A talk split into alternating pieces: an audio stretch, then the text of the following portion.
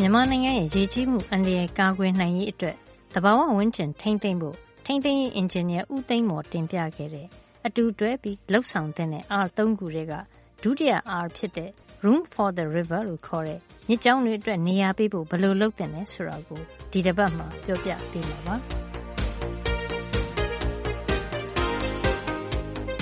မြစ်ကြောင်းတွေအတွက်နေရာပေးပြီးအတူရှင်တွဲနေထိုင်ဖို့စဉ်းစားတဲ့စီမံကိန်းတစ်ခုရှိပါတယ်။ အဲဒါက Netherlands နိုင်ငံမှာရှိတဲ့ လက်ရှိဆောင်ရွက်နေဆဲဖြစ်တဲ့ Room for the River စီမံကိန်းကြီးပါ။ဒီစီမံကိန်းအကြောင်း မပြောခင် ပထမဆုံး Netherlands နိုင်ငံရဲ့ အနေအထားကို ကြည့်ရအောင်ပါ။နယ်သာလန်နိုင်ငံဆိုတာ သူတို့နိုင်ငံက ပင်လယ်ရေတဲ့ လိမ့်နေပေါ့နော်။လူကြီးရလည်း များတော့ သူတို့က ဘာလုပ်လဲဆိုတော့ လူတွေနေဖို့အတွက်ခြေ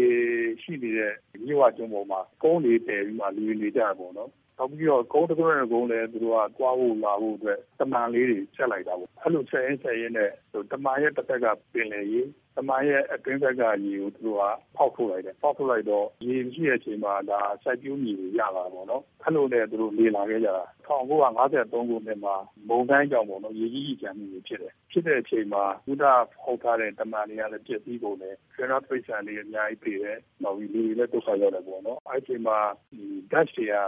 မိခင်ရတဲ့ပတ်သက်ပြီးရှင်းတန်းရောက်နေတော့ဒါမျိုးနောက်ထပ်အဖြစ်เสียဘူးဆိုပြီးတော့သူတို့နှစ်တစ်တောင်းမှာတစ်ချိန်ဖြစ်နိုင်တဲ့ ဒီမုံတိုင်းတောင်ခံရအောင်ဆိုပြီးတော့ပင်လယ်ထဲမှာတကယ်ကိုကွန်ကရစ်တွေနဲ့ခိုင်ခိုင်မာမာကားတွေပါသွားလို့ရတဲ့ဒါကြီးကိုတုတ်လိုက်တယ်သူကနှစ်တစ်သက်လုံးလောက်ဒီလိုရေးချမှုတွေထပ်ပြီးမဖြစ်တော့ဘူးလို့တွတ်ခဲ့တာပေါ့ဒါပေမဲ့နောက်တစ်ချီရေကြီးရေရှမ်းမှုကိုနှစ်ပေါင်း40ကျော်မှာတစ်ကြိမ်ထပ်ပြီးကြုံရပါတယ်1993နဲ့1995မှာရေကြီးရေရှမ်းမှုတွေတကဖြစ်လာတယ်ပေါ့ဒါကတော့ပင်လယ်ဘက်ကဖြစ်လာတာမဟုတ်ဘူး ဒီကုန်းပေါ်မြစ်တွေရေရှမ်းပြီးတော့ရေဝင်လာတာပေါ့နော်မြစ်တွေမှာလည်းသူတို့ခုနပြောတဲ့တမန်ကြီးတွေတာတွေတုတ်ထားတာရှိတယ်ဒါပေမဲ့ဒီတာတွေကိုကြော်ပြီးရေဝင်လာတဲ့အချိန်မှာ 1995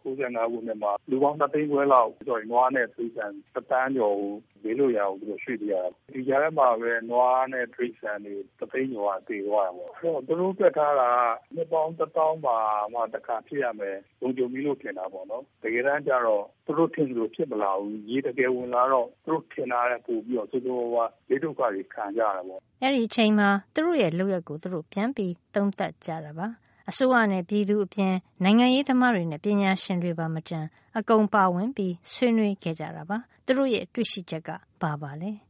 ဒတ်လူမျိုးဟာတဘာကိုစတင်ပြီးတော့ဒီချော်ရေးလုံးတာမှာ သူတို့ကကဘာလုံးမှာ အကျော်ကြားဆုံးတော်ဆုံးတွေ ဖြစ်နေတယ်ဒီတဘာဝနဲ့ လိုက်ရောညီတွေဖြစ်အောင် နေဖို့အတွက် သူမစင်းစားခဲ့ဘူး နောက်တစ်ချက်က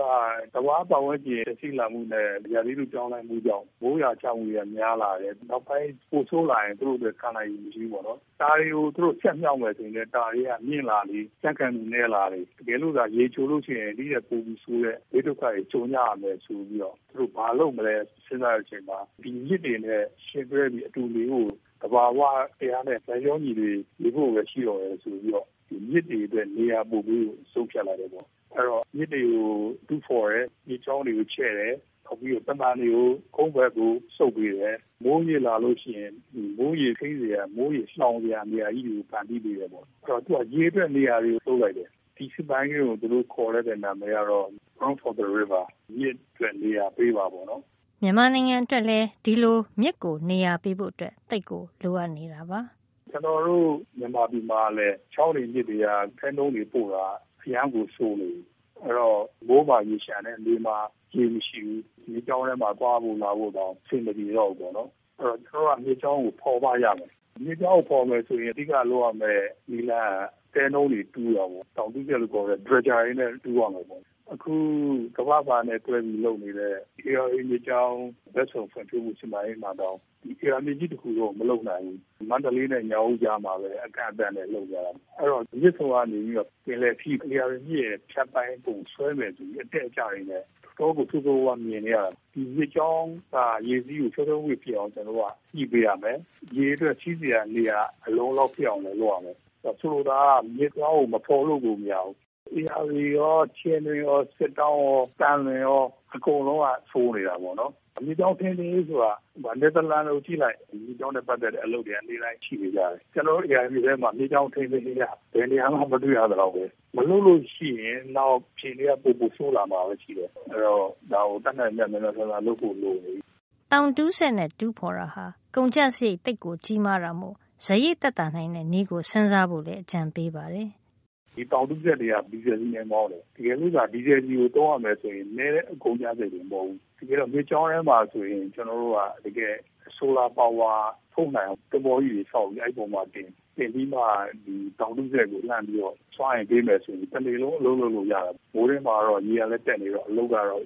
ဒါလောက်ရှိမှာပေါ့နော်လေမှာဆိုရင်လေရောင်လည်းအပြည့်အဝရမယ်မြေကြောင်းကလည်းတိမ်သွားတော့ကျတော့ဒီတောင်တူးဆက်တွေအလုပ်လုပ်ဖို့အစီအပြေဆုံးပဲ ဒါစိတ်ကူးရင်တော့မဟုတ်ဘူးတကယ်လည်းဖြစ်နိုင်တယ်ဘာလို့ဆိုတော့ဒီရက်စစ်အားနဲ့မောင်းတဲ့တောင်တူးဆက်တွေကလည်းပေါ်လို့ဆိုလာပြအများများကျေတက်မြန်တာတတ်မယ်ဆိုရင်ဘလုံးတဲ့စွမ်းရင်ကိုထုတ်ပေးဖို့ပဲဖြစ်နိုင်တယ်စဉ်းစားကြဖို့တည်ပြီးပေါ့နော်မြစ်ကြောင်းအတွက်နေရာပေးရမှာအင်းအိုင်တာတမန်တွေရဲ့အနေထားကလည်းအလွန်အရေးပါပါတယ်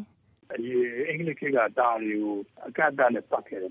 အင်းတွေရှိတယ်ဥပမာတောင်တမအင်းလိုအင်းတွေရှိတယ်အဲ ARV တိုင်းမှာလည်းဒီအင်းတွေအများကြီးရှိတယ် ဒီအင်းတွေကမိုးထဲမှာမိုးများလာရင်ရေဝေးခိုးစရာနေရာတွေပေါ့နော်နောက်ပြီးတော့ဒါငါးတွေပွားဖို့လည်းအဆင်ပြေတယ်ပြီးတော့ရေပြန်ကျသွားချိန်မှာမြစ်ထဲနဲ့အင်းထဲမှာငါးတွေလွတ်လပ်လပ်ပွားဖို့လာဖို့ပွားများဖို့လည်းအခွင့်အရေးရှိတယ်ပေါ့နော်ခုချိန်မှာအဲ့လိုမဟုတ်တော့ဘူးတာတွေမျိုးမျိုးပတ်တယ်စပားဆိုင်အောင်တာတွေပတ်ပြီးမှတော့ငါးကန်ကြီးဖြစ်တယ်အဲ့တော့အင်းနေတဲ့ခုနလိုရေမဝင်တော့ဘူးအဲ့တော့ဘာဖြစ်လဲဆိုတော့ AR မြစ်ကရေကပိတ်ထားရတဲ့အတွက်ဒီ ကတ်တတ်ထားတဲ့လမ်းကြောင်းထဲမှာပဲမလုံးမလောက်စီးရတယ်အဲ့တော့မိုးမှာဖြန့်ပြီးတော့သူကကြီးတဲ့အတွက်ရေကြီးရေရှမ်းနေဖြစ်တယ်နောက်တစ်ခါ theory တိုင်းမှာလည်းသဘာဝ site တွေကလုံးကြီးတွေကရေမဝင်တော့မရတော့ဘူးအဲ့တော့ဒီတာတမန်တွေနဲ့ပတ်သက်ပြီးတော့လည်းဒီအတွက်နေရာပေးပါအချင်းချင်းအောင်ပါတကယ်လိုရရဲ့လားတကယ်အကျိုးရှိရဲ့လားအကျိုးမလိုအပ်တဲ့တမန်တွေကိုလည်းဖြတ်မယ်နောက်ကိုစုပ်ပေးမယ်မြစ်အတွက်နေရာပိုရအောင်ကျွန်တော်ကလုပ်ပေးရမယ်